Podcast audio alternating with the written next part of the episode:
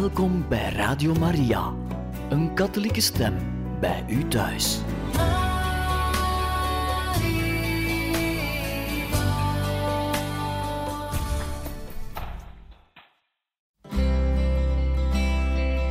Welkom bij Boekat, een programma van Radio Maria.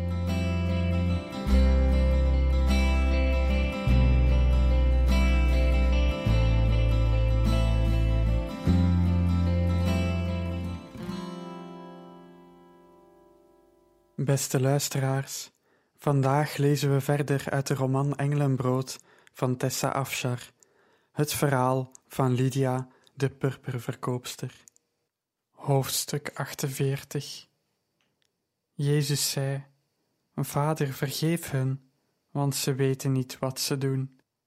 Lucas hoofdstuk 23, vers 34 Op een ochtend kwamen we een schip tegen ik herkende het onmiddellijk.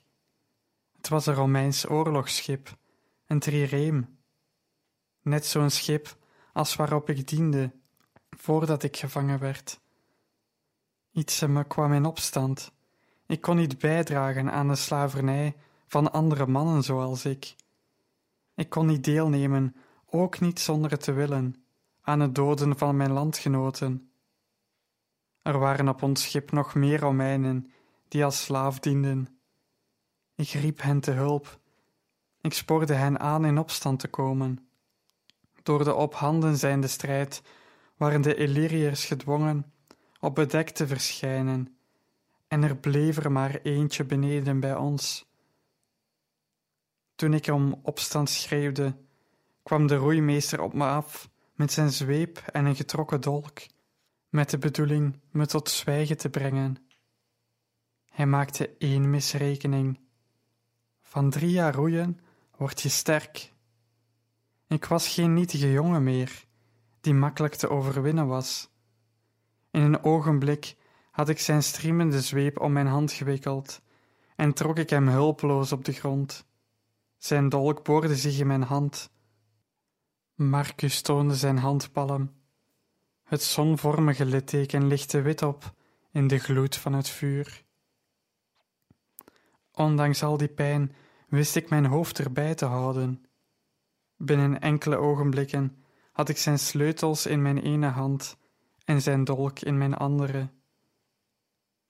Marcus vouwde zijn hand tot een vuist en grijnsde. Geen hoge prijs voor de ontsnapping. We bevrijden ons uit onze ketens en wierpen ons in de strijd aan de kant van Rome. De Illyriërs waren aan de winnende hand tot wij arriveerden. Onze hulp die de tij van het gevecht keren, en de Romeinen kregen de overhand. Ze overwonnen de Illyriërs en kregen bovendien een grote schat uit het ruim van het piratenschip in handen. Thuis werden ze met veel eerbetuigingen ontvangen. De schande van mijn slavernij werd weggespoeld door de triomf en de rol die ik erin had gespeeld de commandant van het Romeinse vaartuig, Lucius Antias, wist dat hij zijn leven en de overwinning aan ons ingrijpen te danken had. Toen hij ontdekte wat mijn rol in de slag was geweest, bood hij me iedere beloning aan die ik maar wenste. Destijds werd Jacob door Rome nog als slaaf beschouwd. Hij zou in Rome op het veilingblok worden geplaatst. Als beloning vroeg ik om zijn vrijheid. Binnen een paar dagen had Jacob zijn certificaat van invrijheidstelling. Hij keerde als een vrij man terug naar zijn huis in Caesarea, maar hij nam een stuk van mijn hart met zich mee. Hij zal altijd mijn dierbaarste vriend blijven. Na mijn aankomst in Rome ontdekte ik dat mijn ouders dood waren. Toen Antias hoorde van mijn verlies, wilde hij, die toen we samen reizen naar mijn verhaal had geluisterd en wist wat mijn dromen waren, me beslist een deel van zijn aandeel in het prijzengeld voor de vangst van het Illyrische schip geven. Dan ben ik nog steeds rijker dan voordat ik jou ontmoette, zei hij tegen mij. om niet te zeggen minder dood, als jij de slaven niet had aangezet tot een opstand tegen de slavenhandelaars. Het geld dat hij me gaf was voldoende om me door de jaren van opleiding tot architect en ingenieur heen te helpen. Ik kon er mijn studie, mijn boeken, mijn uitrusting, mijn onderdak en mijn eten van betalen in de jaren dat ik studeerde. Wat ik hem schuldig ben, kan ik nooit vergoeden, al heb ik het vaak geprobeerd. Toen mijn opleiding voltooid was, besloot ik niet in Rome te blijven, maar door het Rijk te reizen om de interessante banen te vinden. Waar ik ook ging, op de sabbat zocht ik een synagoge, als er een te vinden was. Ik bleef de God van Abraham aanbidden, maar in mijn hart hungerde ik naar meer. Waar was de Messias die ons beloofd was? Waar de kracht van de profeten van vroeger? En waar hoorden niet-Joden, zoals ik, bij? Toen ik vorig jaar in Efeze reisde, ontwikkelde ik een lelijke hoest die ik maar niet kwijtraakte. Toevallig was Lucas om dezelfde tijd in Efeze op bezoek en de leden van de synagoge stelden hem aan mij voor. Hij genas mijn hoest en vertelde me over de Christus. Ik herinnerde me dat hij zijn ijzeren klamp in mijn keel had toen hij zei: Je zou een lang en gezond leven moeten leiden, gezien de kracht van je lichaam. Maar zou je niet liever eeuwig leven hebben, Marcius? Ik heb groot respect voor ijzeren klampen, en al zeker als ze in mijn keel zitten, dus ik zei ja. Iedereen lachte. De architect kon de aandacht van een verveelde driejarige nog vasthouden met zijn vertelkunst. Hij had een fascinerend leven geleid, vond Lydia, maar hij was eruit gekomen met een hart dat moediger was geworden door verlies en tragedie. Dat hij in leven was gebleven, was een getuigenis van zijn kracht. Maar hij was meer dan een man die een ervaring had overleefd, waar anderen aan onderdoor zouden zijn gegaan. Dat vrede bestaan op het schip had hem niet gebroken. Anderen zouden bitter geworden zijn, vervuld van haat. Maar Marcus was een man die vrede had, onaangedaan door de stromen van woede. Dat voelde ze. Dat is een indrukwekkend litteken, zei Lydia, en ze wees naar zijn hand. Maar het verhaal erachter is nog indrukwekkender. Ik volg een verlosser met littekens. Soms denk ik dat onze littekens heilig worden in de schaduw van de zijne, en dat zijn plannen volmaakt worden in de afbraak van onze eigen wensen. Dit is niet het leven dat ik vroeger dacht dat ik zou leiden, maar het is beter gebleken dan ieder leven dat ik zou hebben gekozen. Een verlosser met littekens, dacht Lydia, en ze werd herinnerd aan haar eigen hart met littekens. Konden de littekens die Jezus droeg haar eigen littekens veranderen? De littekens die ze droeg van de dood van haar moeder, van Jasons verraad en het verlies van haar vader, van de diefstal van haar huis? Konden zulke monsters, die haar in haar dromen achtervolgden en haar wakkere momenten vormden met hun duisternis, echt heilig worden? En de Illyriërs, vraagt je hen? Wil je je niet op hen wreken? zei ze. Marcus haalde zijn schouders op. Ik heb mijn vredemeesters vergeven. Vergeven? Lydia spuwde het uit, alsof het woord bitter smaakte op haar tong. Toen hij aan het kruis hing, met alle kwelling van zo'n dood, vond Jezus de kracht om een paar woorden te spreken. Zal ik je zeggen wat ik de mooiste vind? Hij zei: Vader, vergeef het hun, want ze weten niet wat ze doen. Dat zei hij over zijn folteraars en moordenaars, Romeins en Joods. Dat maakte voor hem niet uit. Hij sprak vergeving over hen uit, hoewel ze hem verraden hadden en hem van het leven zelfs beroofd hadden. Ik zeg dezelfde woorden als ik in de verleiding kom om te haten. Die arme Illyriërs. De hel heeft een ziel in zijn greep en ze zijn er amper uit, hoewel ze op deze aarde leven. Ik laat hen veilig achter in de handen van Jezus. Niet vergeven zou mijn hart alleen maar ketenen. En nu ben ik een vrij man. Nadat Lydia haar gasten goede nacht had gewenst, trok ze zich terug. In de rust van haar vertrek beleefde ze opnieuw het moment van haar doop, en ze stelde zich de vraag of ze een vergissing had begaan. Had ze zich overhaast in dit nieuwe leven en geloof gestort? Was die Jezus te vertrouwen? Bij de gedachte aan zijn naam werd haar twijfel verjaagd door vrede.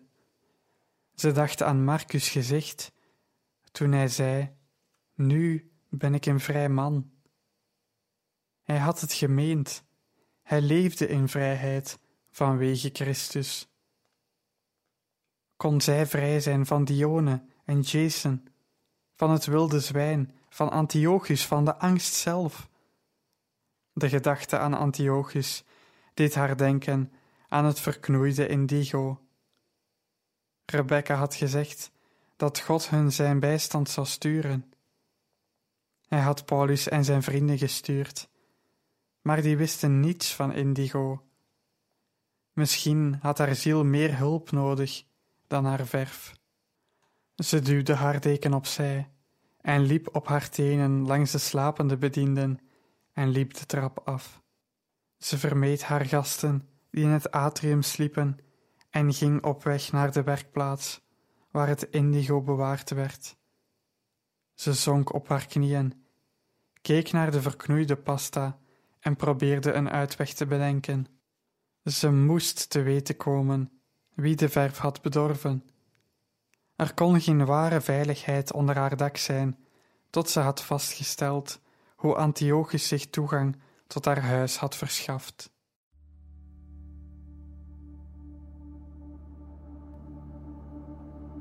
When the best of me is barely breathing, when I'm not somebody I believe in, hold on to me.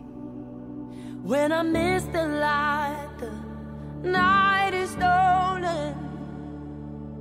When I'm slamming all the doors you've opened hold on to me.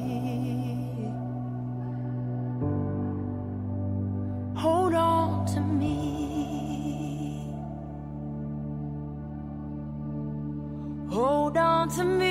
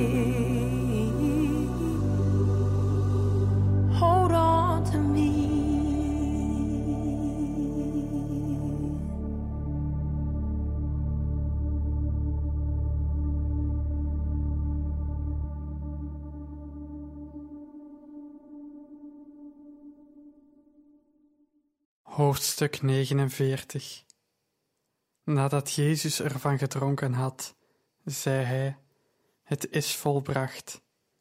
Hij boog zijn hoofd en gaf de geest. Johannes hoofdstuk 19, vers 30 Het was een koude ochtend. De vroege herfst had een harde, onverwachte omslag gemaakt naar de winter.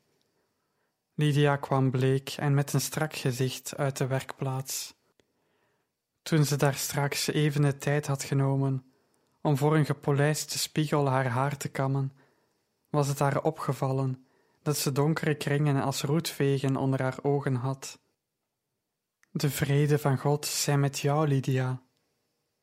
Ze keek op. Meester Paulus, ik zag u niet.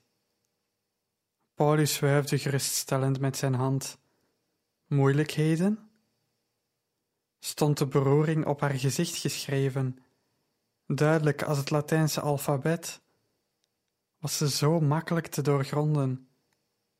Ze vroeg zich af of ze haar zorgen wel bij de arme man moest neerleggen. Ondanks zijn grootmoedige geest bleef hij een relatief vreemde voor haar. Hij keek haar rustig en kalm aan en wekte de indruk dat hij heel wat lasten kon dragen zonder te breken. Zijn uitnodigende rust maakte haar tong los. Onze voorraad indigo is verknoeid. Ik heb nieuw besteld, maar dat komt pas over een week, of misschien zelfs twee. Te laat voor ons om deze order op tijd af te krijgen, al werken we dag en nacht. We zullen hem niet op tijd kunnen voltooien.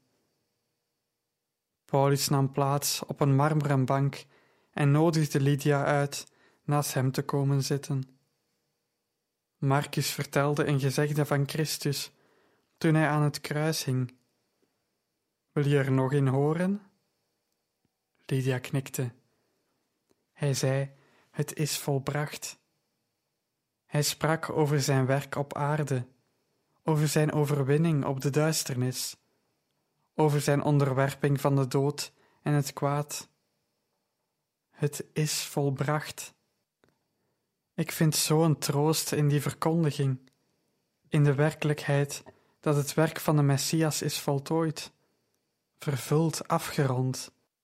En daarom is al het werk dat mijn ziel nodig heeft, verlossing, herstel, vergeving, vernieuwing, herschepping en redding, dat alles is nu voltooid. Het belangrijkste werk van de wereld is klaar. Soms stel ik me voor dat het voltooide werk aan het kruis zijn schaduw ook op andere delen van ons leven werpt. Omdat Christus het meest cruciale werk op aarde en in de hemel heeft volbracht, worden alle onvoltooide delen van mijn leven met iets van die voltooiing bedekt. Wat in mij, door mij, ongedaan blijft, vindt een rustplaats in het volbrachte werk van Jezus. Lydia liet haar schouders hangen. Ik denk niet dat mijn indigo een rustplaats in Jezus zal vinden, meester Paulus. Het is bedorven. Ik ben niet klaar met mijn werk. Ik ben te laat. Vergeef me, maar de handel maakt je praktisch. Het is heel mooi om te spreken over de schaduw van het kruis, maar daar heb ik niets aan als mijn boze klant wil weten waarom zijn bestelling niet op de verwachte dag wordt geleverd. Paulus boog zich naar haar toe en keek haar in de vermoeide ogen. Word je hier zwaar door belast? Ze legde haar hoofd achterover en sloot haar ogen een moment. Een bedrijf wordt gebouwd of verwoest naar zijn reputatie. Zelfs kleine mislukkingen kunnen aanzienlijke sporen achterlaten. Ik begrijp je moeilijkheden, die is heel echt, zei hij. Maar als Jezus zegt het is volbracht, beste Lydia, dan kun je rusten in het absolute gezag dat uit die woorden vloeit. Die zijn nog echter dan jouw indigo. Paulus glimlachte. Haal die bedorven verf eens voor me. Het indigo? Ja, breng het me alsjeblieft. Lydia krabde op haar hoofd. Toen draaide ze haar hoofd om en riep: Epaphroditus, help de verfmeester eens een kuip indigo te halen, alsjeblieft. Het vat was zwaar en twee mannen brachten het, half gebukt onder het gewicht, naar de binnenplaats. We kopen ons indigo als een geprepareerde pasta, legde ze uit. De verkoper wint de verf uit de bladeren van de indigoplanten, en zo komt het bij ons. Paulus keek met half dichtgeknepen ogen naar de inhoud en knikte. Hij boog zich naar voren en stak een hand uit over het vat. Zijn lippen bewogen enkele ogenblikken in stil gebed. Ik denk dat je nog eens moet proberen het te gebruiken, zei hij, toen hij zich opgericht had. Lydia blies uit als een draak. We hebben het vele malen geprobeerd, meester Paulus. Het heeft geen zin. De afvalhoop is nog te goed voor deze troep. Wil je het niet nog één keer proberen? Voor u dan. Even later had de verfmeester met hulp van Epaphroditus de noodzakelijke vaten opgezet en dompelde hij een kleine bol wol in de verf. Die kwam er koningsblauw uit. Lydia, die met haar armen over elkaar onderuitgezakt tegen de muur zat, sprong op. Dat kan niet. Doe nog eens. Nu met meer wol.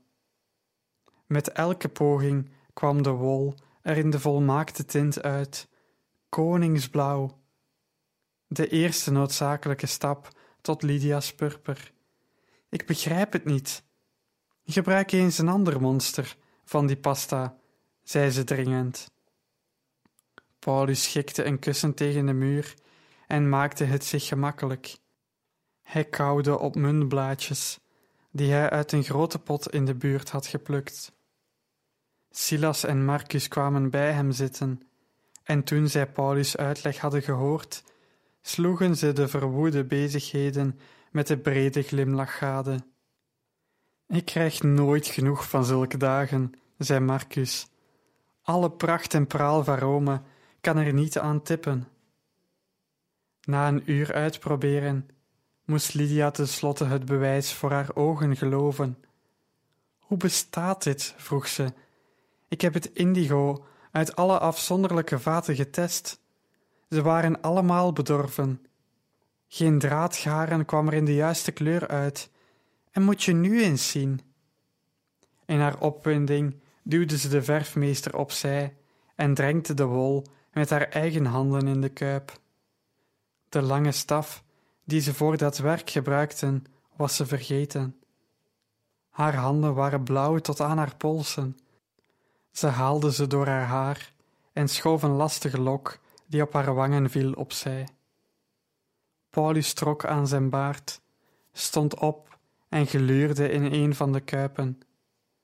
Ik geloof dat we het een wonder kunnen noemen. De Heer werkt soms in mysteries die wij niet kunnen bevatten. Lydia keek hem getroffen aan.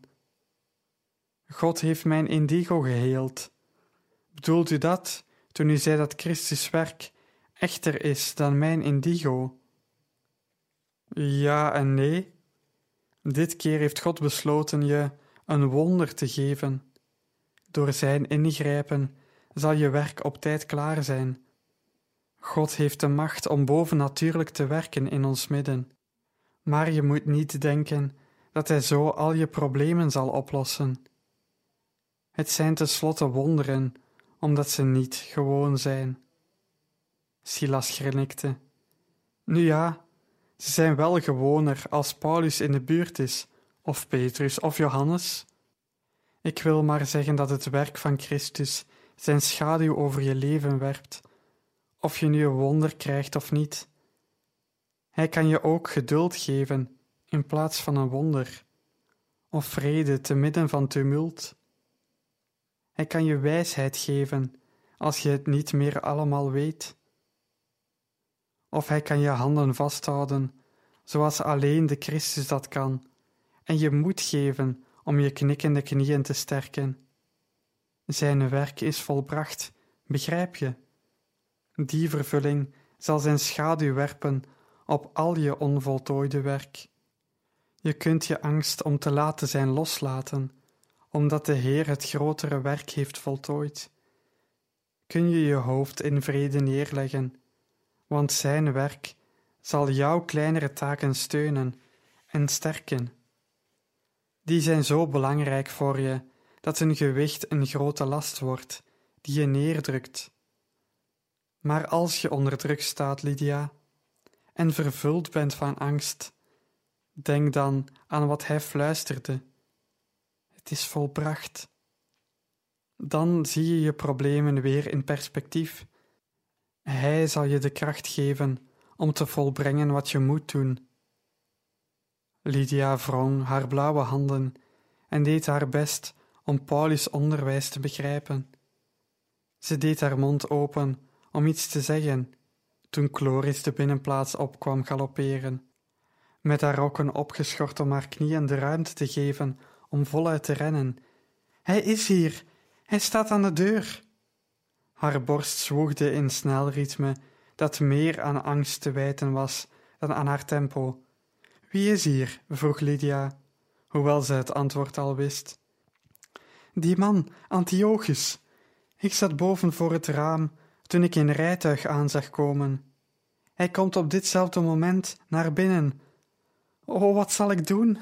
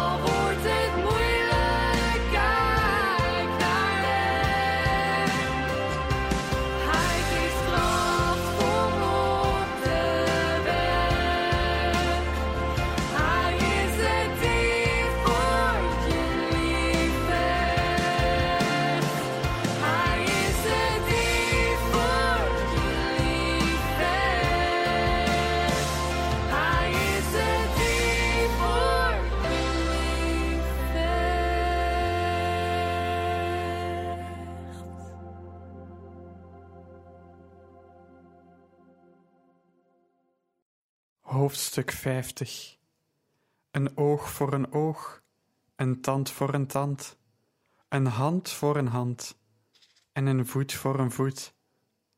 Een brandwond voor een brandwond, een kneuzing voor een kneuzing en een striem voor een striem. Exodus hoofdstuk 21, vers 24 en 25. Kletsende voetstappen op de stenen trap buiten maakten een eind aan alle conversatie. Lydia greep Chloris bij de arm en duwde haar in een van de werkplaatsen.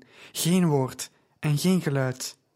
Doe de deur zeker op de grendel, siste ze voordat ze de deur dichtdeed. Paulus, Silas en Marcus keken toe terwijl het drama zich ontvouwde en zagen er vanaf vragen te stellen. Ik leg het later wel uit, fluisterde ze. Bid voor me. Rebecca arriveerde op de binnenplaats. Antiochus is er. Lydia knikte. Wat voert hij nu weer in zijn schild, zuster Rebecca? Er was geen tijd om antwoord te geven. Antiochus stampte met een rood aangelopen gezicht binnen. Zijn haar was nat van het zweet. Nu ben je te ver gegaan, Lydia. Lydia stak een waarschuwende vinger op. Ik kan me niet herinneren dat ik je in mijn huis heb uitgenodigd. En schreeuw niet zo, je stoort mijn gasten. Antiochus keek zuinig naar Paulus en zijn vrienden. Die mogen best weten wat voor een mens hun gastvrijheid biedt. Een glibberende waterslang van een vrouw. Dit is de laatste keer dat je je met mijn zaken hebt bemoeid. Als je hier bent om weer over Chloris te praten? Ik ben hier om over mijn slaaf te praten, Demetrius. Lydia vroeg af of hij had ontdekt dat zij Apollonia had overhaald om Demetrius in dienst te nemen. Ze keek neutraal. Wat is er met je slaaf? Antiochus sloeg zo hard op de marmeren bank dat het takje munt dat Paulus daar had neergelegd opsprong. Marcus deed met half dichtgeknepen ogen een paar stappen naar voren. Lydia glimlachte hem geruststellend toe. Hij ondernam niets, maar bleef dichtbij, met een alerte blik, als een lid van de Praetoriaanse garde van de keizer, klaar om zich op Antiochus te werpen als die een stap verkeerd zou zetten. Lydia voelde de knoop in haar maag losser worden. Sinds het overlijden van haar vader had ze zich niet meer zo beschermd gevoeld. Als je je niet beschaafd kunt gedragen, zei ze tegen Antiochus, dan moet ik je vragen dit huis te verlaten. Ik weet niets van een slaaf die aan jou toebehoort. Dat was geen leugen, want Demetrius was vrij verklaard. Je weet heel goed welke rol je hebt gespeeld in deze belediging. Het heeft geen zin om het te ontkennen. Ik heb het van een magistraat zelf gehoord. Je was erbij een jaar geleden, toen mijn vader lag te sterven, gek van de ziekte en koorts. Je was erbij en je hebt hem opgestookt tot dit verraad. De magistraat. Ze had niet gedacht dat die haar identiteit aan Antiochus bekend zou maken. Lydia liet haar schouders hangen. Ze had het warm van de angst. Je vader heeft me geheimhouding verzworen. Wat had je gewild dat ik deed? Mijn eed schenden? Je had me die nacht moeten halen. Welke man die bij zijn volle verstand is, zou een waardevolle slaaf als Demetrius weggeven? Je moet gezien hebben dat de oude man zijn beoordelingsvermogen had verloren. De ziekte had hem van zijn verstand beroofd, en daar had hij toch al niet veel van. Hij stak zijn wijsvinger naar haar uit. Kijk maar waar hij mee omging. Je had het recht niet om hem aan te moedigen in zijn waanzin. Lydia strekte sussend een hand uit. Antiochus, je vader was zwak, maar bij zijn volle verstand. Je kunt het de magistraat vragen. Hij zou de documenten niet hebben verzegeld als hij vermoedde dat Rufus onbekwaam was tot helder denken. Je weet heel goed dat veel rijke mannen trouwe slaven hun vrijheid geven als waardering van hun jarenlange dienst. Er bestond oprechte genegenheid tussen Demetrius en je vader. Rufus wilde hem zijn trouw en vriendelijkheid door de jaren heen vergoeden. Je liegt! Waarom heeft hij dat allemaal geheim voor me gehouden? Geen gerucht, geen enkele waarschuwing. Waarom zou hij dat anders hebben gedaan dan omdat hij dement was? En jij hebt die waanzin aangemoedigd, in plaats van hem tegen te houden, lachte je en gaf zijn hand een kneepje en bewonderde zijn goede beslissing. De magistraat heeft het me verteld. Het document was niet mijn idee, Antiochus. Rufus kwam ermee. Ik kan niet ontkennen dat ik met zijn regeling instemde, en ja, dat heb ik tegen hem gezegd. Maar je begrijpt het verkeerd. Je vader heeft het je niet verteld, omdat hij wist dat je zijn wensen niet zou accepteren. Hij wilde sterven in vrede met jou, niet met een onaangename ruzie die zijn laatste dagen bitter zouden maken. Tot het einde toe dacht hij aan jouw welzijn. Hij liet Demetrius beloven dat hij nog een heel jaar voor je zou blijven werken en de zaken in de werkplaats in goede orde zou achterlaten. Hij heeft dat allemaal geregeld, zodat je een sterke, gezonde handel kon krijgen. Ik weet zeker dat Demetrius die belofte heeft gehouden en dat hij je tot in zijn laatste uur trouw heeft gediend. Eén jaar? Wat heb ik nu aan één jaar? Weet je hoeveel het me kost om die slaaf te vervangen? Het spijt me voor je, maar je kunt mij je vaders beslissing niet verwijten. Hij vroeg me die nacht als een vriendin aanwezig te zijn, en ik kon hem die laatste wens niet ontzeggen. Het is waar, ik kon niet eens als een wettelijke getuige dienen. De magistraat zei dat het getuigenis van een vrouw geen enkel gewicht in de schaal zou leggen. Rufus was ziek. Als je echt een goede vriendin van hem was, dan had je hem die dwaasheid uit zijn hoofd gepraat. En nu hij dood is, kan ik niet meer met hem strijden. Maar jij, Lydia, jij kunt maar beter uitkijken. Vanaf dit moment zal ik je opjagen tot je kapot bent en je werkplaats in de as ligt. Ik zal Chloris van je afpakken en ik zal haar verfrommelen als een vel papyrus. En jij mag toekijken terwijl je eigen werkplaatsje aan je voeten in elkaar stort. Nu pas zag hij de kuip met indigo op de binnenplaats staan. Ik zal je net zo kapot maken als die indigo-pasta. Hij grijnsde zelfvoldaan. Toen viel zijn oog op de berg donkerblauw geverfd garen. Wat is dat? Heb je nu al nieuwe pasta gekocht? Dat moet je een fortuin hebben gekost.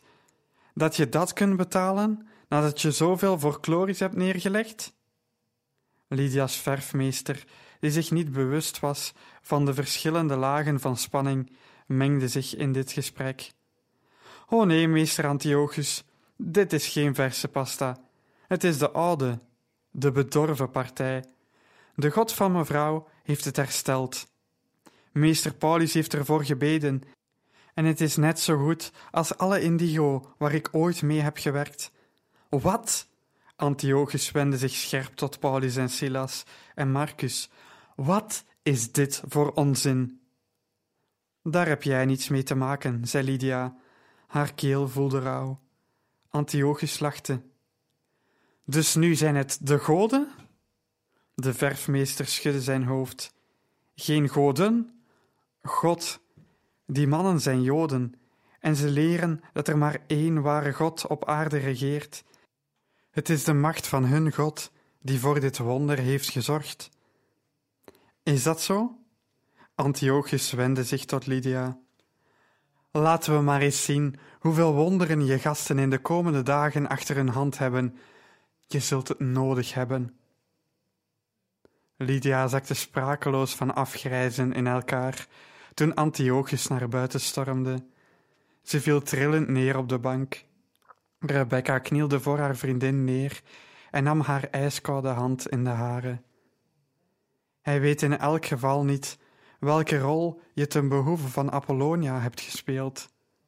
Lydia knikte. Rebecca, weet je nog van die konijnen? Ja, ik weet het nog.